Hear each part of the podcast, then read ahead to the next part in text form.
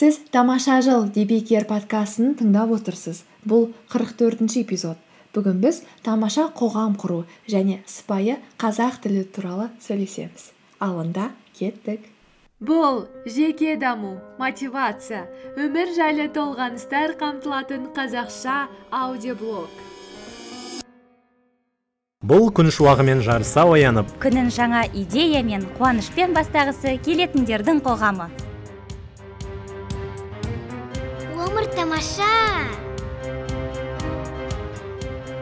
Бақытты болу бақытты болу ол біздің таңдауымыз. біздің таңдауымыз. Шоу жүргізушісі талшынды қарсы алыңыздар.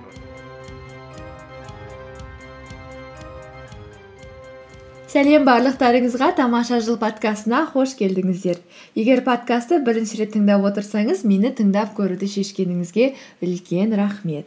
Бұл подкаст сіздер үшін аптасына үш рет дүйсенбі сәрсенбі және жұма күндері таңертең шығады. Алайда соңғы бірінші мамыр күні дүйсенбі күні біздің подкаст шықпады. Өйткені егер де мен подкаст шығатын күн қазақстандағы демалысқа сәйкес келсе ол күні мен де демаламын және сіздер менен де демаласыздар. Сондықтан ол күн бәріміз үшін демалыс. Ал қалған жағдайдың барлығында аптасына үш рет шығады. Сонымен бүгінгі подкастты бастасақ болады деп ойлаймын.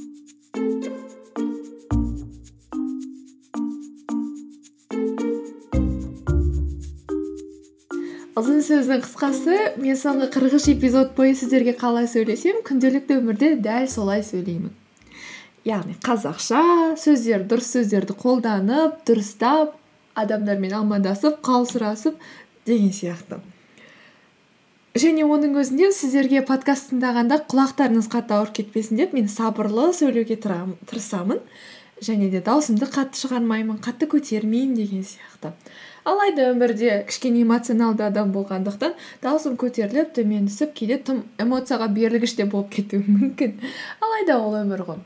А, жылдар бойы маған адамдар айтатын сен қазақша сөйлеген кезде кітап сөйлеп жатқан сияқты деп. Яғни кітапты әкеліп қойып ол ә, сондағы бар текстті оқып жатқан сияқты әсер аламыз деп. Мен оны көп түсінбейтінмін. Одан кейін де көп жерде қазақша сөйлеп қалсам көп адамдар жалт беріп қарап не болды кім сөйлеп жатыр? деген сияқты әсерде болады. Жүре бердім. Біраз уақыттан кейін қазақстанға оралғаннан кейін америкада сол баяғыша өзім қазақшамды сөйлеп онымен қоса америкадан жаңағы жаттап алған күнделік сөздерім бар ғой. Оны да қазақшаға аударып қолданып жүрсем тағы да сол эффектті байқай бастадым. Адамдардың көпшілігі сұрай бастады. Ә, сіз қазақ тілін кейін үйрендіңіз бе? Ә, сіздің қазақшаңыз ауызекі қазақ тілі емес ол жатық емес. Ә, ол біртүрлі естіледі. Білмеймін. Сол кітап сияқты деген сияқты. Мен жарайды деп ойладым. Сол менің қазақ тілім енді біртүрлі шығар деп. Содан бір күні ә, сіңілім екеуміз бір заттар сатып алып мен ал жарайды сау болыңыз деп шығып кеттік. Одан кейін бір кезде ол мен, маған айтады ә, талшын өмірде негізі олай сөйлемейді деп. Ә, сен сөйлеген кезде кітап сөйлеп жатқан сияқты дейді тағы да сөйтіп айтады. Одан кейін немесе кинода ғана осылай сөйлейді деп айтады. Сен сөйлеп жатқан кезде мен өзімді киноның бір ә, актерлардың бірі сияқты сезінемін деп. Мен ойландым да күлдім. Және одан кейін тағы да ойлана бастадым. Неліктен адамдар менің қазақ тілімді басқа адамдардың қазақ тіліне қарағанда бөлек деп есептейді. Және мен өмір бойы туғаннан бастап қазақша сөйлеп келе жатсам да менің қазақ тілім ауызекі тілге жатқызылмайды. Неліктен? Ал одан кейін мен сіңілімді ұстап алдым да сұрадым. Оның себебі неде?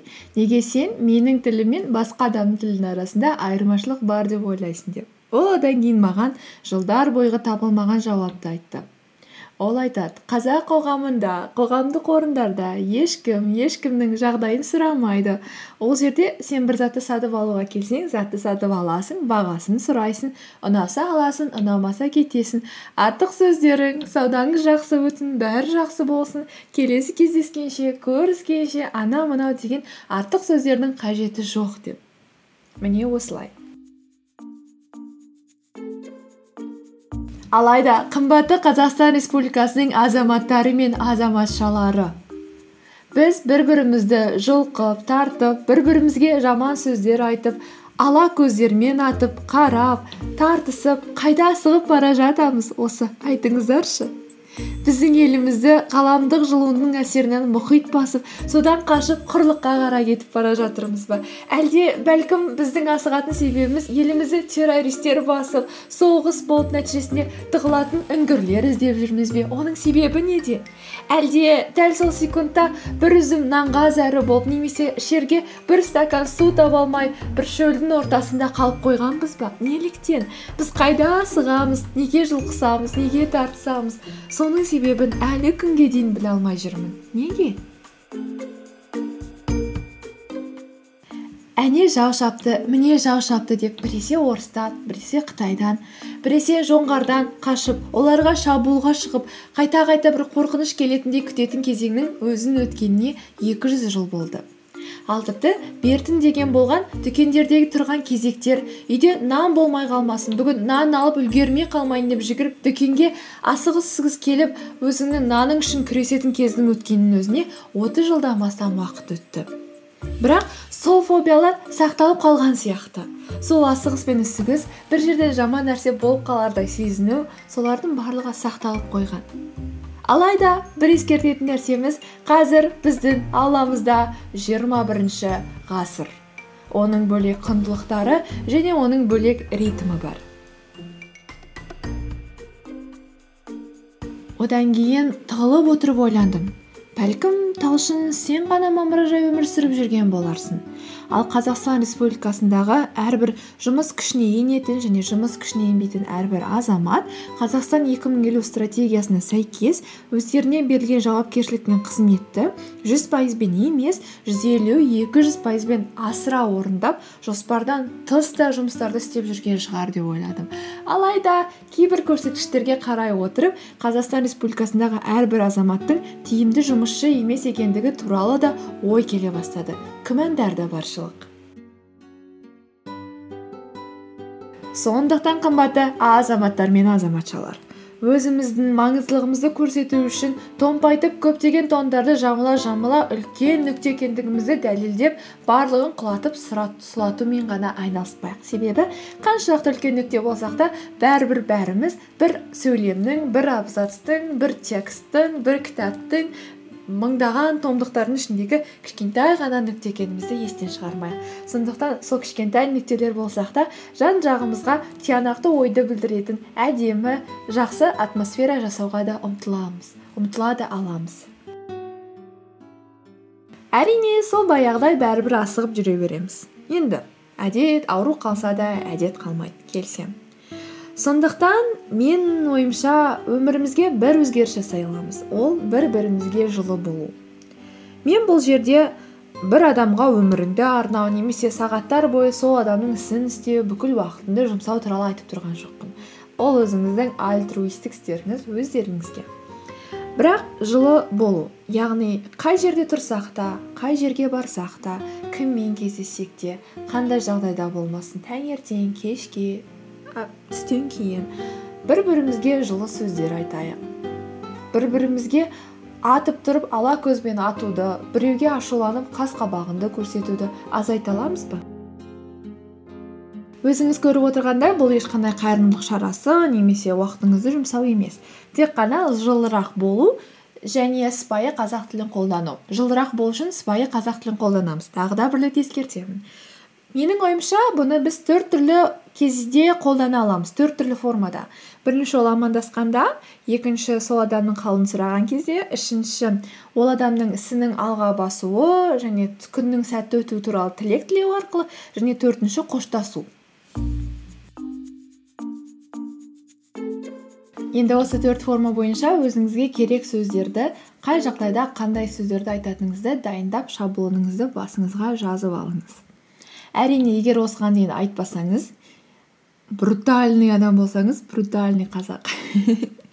Онда әрине өмірге ендіру қиындау болады бірақ та шаблонмен басыңызда сол ойлар тұрса және де ешкімді қағып соғудың керегі жоқ екендігін басыңызда тұратын болса онда қағып соқпайсыз деп ойлаймын. Алайда мен өзімнің подкастымды тыңдайтын адамдардың ондай қағып соғуға үйірі жоқ жылы адамдар екенін білемін. М бірақ та біз өзіміздің істеріміз яғни сіздің айтқан сөздеріңіз арқылы сізді тыңдап отырған адамдар сізді қоршаған қоғам сіздің жылылығыңызға сөйлеген сөзіңізге үйір болып олар да жылы сөйлеп олар да әдемі сыпайы қазақ тілін қолданады деп ойлаймын. Жеке мен өзім әрқашан қайырлы күн қайырлы таң қайырлы кеш және қайырлы түн сөздері сонымен қатар сәлеметсіз бені қолдану арқылы амандасамын. Енді сіз кішкене экзотикалық болғыңыз келсе армысыз ба деп амандасып көрсеңіз болады. Әрине білмеймін енді армысыз ба деп айтқанда қандай эмоция болатынын ой кешіріңіз. Алайда егер енді осындай ерекше сөздерді қолдансаңыз тіпті миллиондаған адам сізге жалт қарайтын болады. Нәтижесінде олар да мүмкін келесі жолы армысыз ба деп амандасатын болатын шығар білмеймін. Сонымен қатар екінші бізде хал сұрау болған яғни хал сұрау басында қалыңыз қалай кешегіден бері не өзгеріс және ситуацияға байланысты мысалға ол кісінің істейтін жұмысына байланысты мәселен дүкен сатушысы болса саудаңыз қалай өтті ә, бүгін клиенттеріңіз көп пе деген сияқты ситуацияға байланысты түрлі хал сұраудың формаларын қолданса болады. Үшінші нәрсе тілек тілеу яғни күніңіз сәтті өтсін. Бүгін сіздерде жақсы жаңалықтар оң өзгерістер көп болсын. Келесі жолы кездескенде сізден оң жаңалықтар ғана естимін деп үміттенемін. Аман болыңыз деген сияқты. Ең соңғысы қоштасу кездескенше жүздескенше сау болыңыз. Амандықта жүздескенше қуанышты жағдайларда кездескенше деп сөзімізді айтсақ болады. Барлығы өзіміздің фантазиямызға байланысты. Сонымен қатар рахмет ілтипатыңызға рахмет өтінемін сұраймын деген сияқты сөздердің де бар екенін ұмытпайық. Менің ойымша жай ғана осы жылы сөздерді қолданып бір бірімізге жылы болу арқылы біз біріншіден қоғамымызда жылылықты ілтипаттылықты және бір бірімізді ойлайтындығымызды білдіре аламыз. Сол арқылы қоғамымыз бір бірімен біріккен жақсы әдемі орта бола түседі деп ойлаймын. Екіншіден әдемі сыпайы сөздерді қолдану арқылы біз қазақ тілінің әдемі екендігіне үйір боламыз. Қазақ тілінің күнделікті өмірде тірі болуына және оның өмірімізде жақсылап тұрып өмір сүруіне әсер етеміз. Сол арқылы тіліміздің әдемілігі мен әуезділігіне одан сайын ғашық бола түсіп тілімізді жақсы көріп онда сөйлейтін адамдардың саны да көбейеді деп ойлаймын. Егер де сізге осы айтқандарым ұнаса немесе ішінде бір іліп алатын нәрсе болса онда жан жағыңызды ортаңызды әдемі жылы ете түсуіңізді өтінемін. Сонымен бірге осы идеяға осы жылылыққа сыпайылыққа ортамызды әдемі етуге жақындарыңызды таныстарыңызды барлық адамдарыңызды тартып жатсаңыз тіпті қуанышты болар едім.